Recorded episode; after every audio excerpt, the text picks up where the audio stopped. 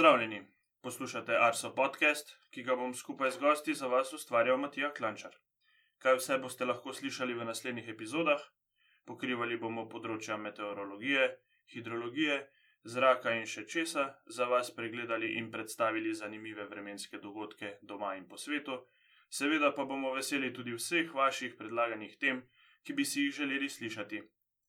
V uvodni epizodi smo predstavili kratek povzetek projekta Ocena podnebnih projekcij v Sloveniji do konca 21. stoletja, v zadnji epizodi pa je Gregor Vrtačnik predstavil pet najbolj nenavadnih vremenskih dogodkov v času božično-novoletnih praznikov v preteklih 50 letih.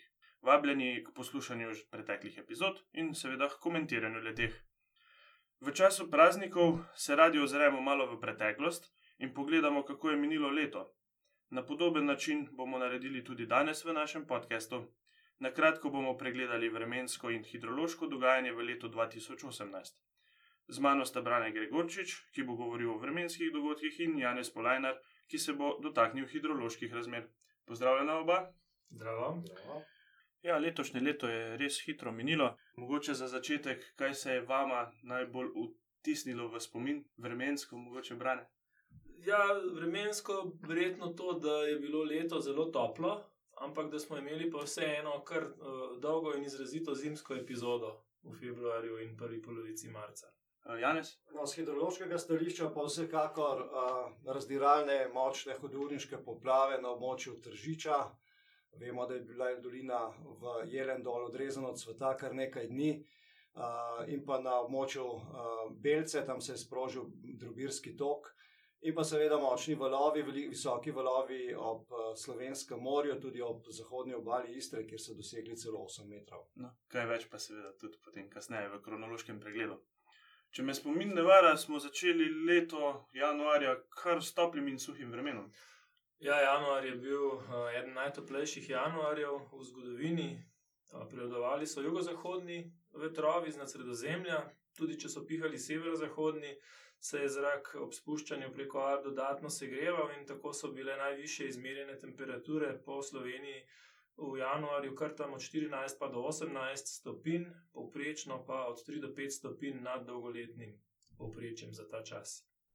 Februarja pa so prišli na račun tisti, ki imajo radi nizke temperature in sneg.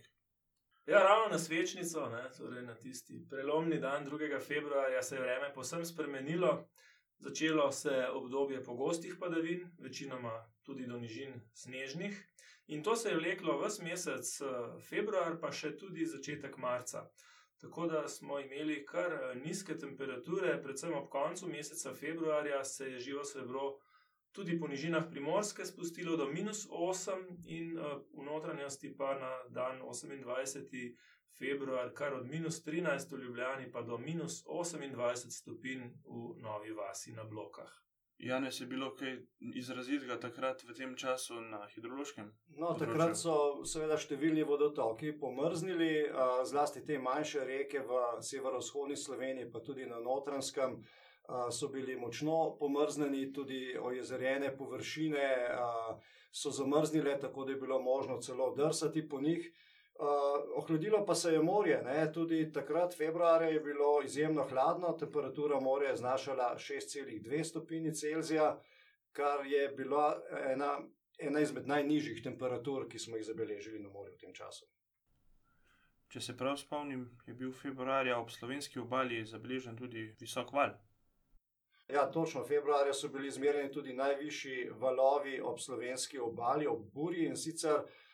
Na boji vida so bili izmerjeni višina valov 3,5 metra. Verjetno z odjugo potem pride kaj tudi do povečanja vodotokov v marcu. Kasnejšo odjugo v marcu pa smo bili soočeni tudi z razlivanjem številnih rek. Ojezerjena so bila tudi kraška polja na notranskem in pa tudi delu dolenske.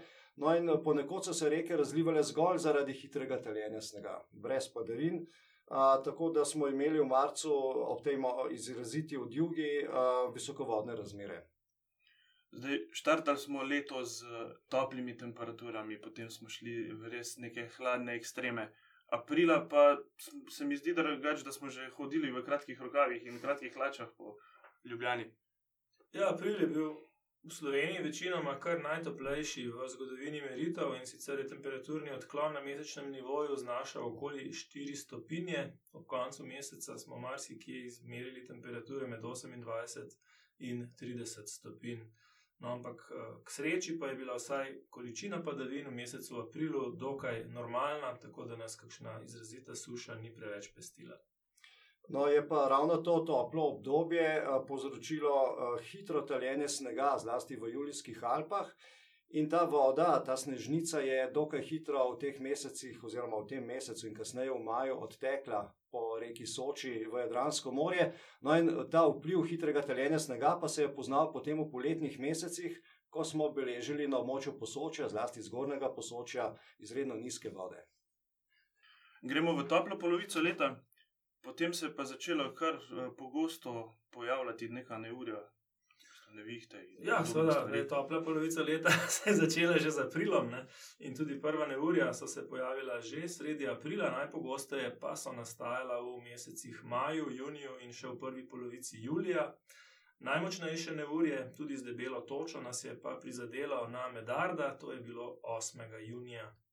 Tudi uprava za zaščito in reševanje je um, to, ta pojav z točo na območju Bele krajine označila kot eno večjih naravnih katastrof v tem uh, letu, v lanskem letu.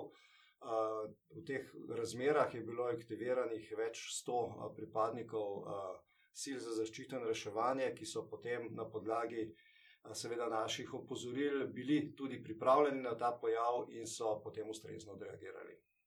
To, te tople tem- temperature so se v bistvu tudi zavlekle, verjetno tudi v septembru, ne Brane?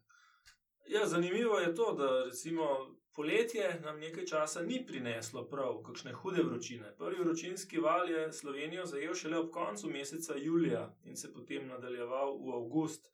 In po manjši osvežitvi sredi avgusta je potem sledil še en, ampak manj izrazit vročinski val, ki se je zaključil 25. avgusta s prehodom hladne fronte. Takrat je padlo kar precej padavin, tudi okoli 100 mm. Vroče obdobje je bilo le, v tem poletju 2018 najbolj izrazito na Goriškem in v slovenski Istri. Tam se v, v obdobju med 23. julijem in 24. avgustom le en sam dan temperatura ni dvignila nad 30 stopinj, se pravi, je, bilo, je bila res taka dolgotrajna vročina in najviše izmerjene temperature so na primorskem dosegle 37 stopinj. V notranjosti pa so ostale malo pod 35 stopinjami. Tako da poletje kot celota je po različnih kriterijih zasedlo od tretje pa do šesto mesto na lestvici najtoplejših poletij. No, temu vročemu poletju so sledili tudi uh, razmere na vodoslovenskih vodotokih, tako da je bilo v drugi polovici leta smo beležili uh, manjše pretoke rek, kot je to običajno. Naprimer, septembra smo beležili uh, za 40 odstotkov manjše pretoke, kot uh, je to običajno v tem času. Torej, bili smo soočeni z malo vodnatostjo rek, seveda pa so se, kot rečeno, v tem prvem delu poletja, junij, maj, junij in pa del julija, pa pojavljali um, te hudourniški um, porasti, teh zlasti manjših rek, manjših vodotokov, precej težav pa so povzročale meteorne vode in odvajanje leteh. Kako je bilo septembra z morjem? Je bilo res tako toplo? Ja, morje je pa doseglo eno toplejših, uh, torej skoraj da smo presegli rekord temperature morja ob slovenski obali. Uh, tako da je bila uh, temperatura morja je bila pravzaprav v septembru rekordno visoka. Ja, toplo obdobje je v resnici trajalo ravno nekje do konca koledarskega poletja. Ne, tam, po 22. septembru so pa temperature kar občutno padle, in uh, marsikje uh, se je že v zadnjih dneh septembra v resnici potem začela tudi korilna sezona, ker so bili izpolnjeni ti objektivni kriteriji v srednji Sloveniji, seveda. Če gremo malce v pogledati si še oktober, omenila ste že v začetku, v uvodu, da takrat nas je pa čakalo v bistvu eno verjetno največje neurje. Ja, drži. Ne. V resnici oktober je večji del meseca minil zelo umirjeno, brez kakšnih posebnosti, ampak prav ob koncu meseca je pa, se je pa pojavila ta vremenska ujma, ki je bila po svojem obsegu in posledicah največja vremenska ujma v letu 2018. Viharni veter, močno deževje z ekstremnimi nalivi. O, Takšno vreme je zajelo ne le Slovenijo, tudi naše sosednje države. In za zahodno polovico Slovenije smo izdali najviše, torej opozorilo najviše rdeče stopnje, hudurniške poplave so prizadele dele primorske, gorenske, obsežen vetrolom, pa tudi del koroške. Tako je, ja, že prej omenjene hudurniške poplave na območju Tržiča in pa doline v Jelendol ter Belce. To so bile res ene bolj uničujočih poplav v, zadnjih, v zadnjem desetletju pa seveda visok pretok Drave, ki je bil eden največjih v zadnjih 50 letih. No, tudi morje se je odzvalo temu močnemu jugu, zaradi tega močnega vetra je bila plima precej povišana. Namreč morje je 29. oktober, kar za 43 cm preplavilo najnižje dele obale, in takšno poplavno stanje ob morju je trajalo praktično cel dan, ne samo v času velike plime. No, in seveda ta dan so bili pa zabeleženi tudi ti visoki valovi ob jugu, kot rečeno, ob zahodni obali Istre, tam okolici Rovinja, celo do 8 metrov. K sreči se pa v bistvu potem novembrsko in decembrsko dogajanje iz stališča meteorologije in hidrologije malce umirilo, Ja, lahko bi rekli, da je bilo ob koncu leta, torej v novembru in decembru, brez nekih izrazitih posebnosti. Um, vreme ni stopalo v nobenem uh, pogledu, in tako nam je bilo tudi morda kaj prizanešeno. Ne. No, tudi novembrskih poplav, ki smo jih bili vajeni prejšnjih let, letos ni bilo, tudi decembra hidrolo, so bile hidrološke razmere povsem umirjene tako da smo leto zaključili z običajnimi nizkovodnimi hidrološkimi razmerami. Najlepša hvala obema za vajen čas in pa za res lep pregled tega leta, ki se je hitro izteklo. Za konec pa na družabnih omrežjih lahko tudi vi delite svoje spomine iz letošnjega leta. Najdete nas na Twitter profilu Meteosi in Facebook strani Arso Vreme. Če vas kakšna tema še posebej zanima, nam pišite na elektronski naslov podcast.arso.afnago.si. Da ne boste zamudili novih epizod, se na podcast lahko naročite preko telefona v svojem podkastu odjemalcu. Pustite nam kakšno oceno tudi na Apple Podcasts, da bodo za nas slišali tudi ostali. Da se bo naša beseda širila, pa nas priporočite k poslušanju svojim prijateljem, sodelavcem in znancem. Hvala za poslušanje in pozornost, obilo lepega vremena do naslednjič, se slišimo čez 14 dni.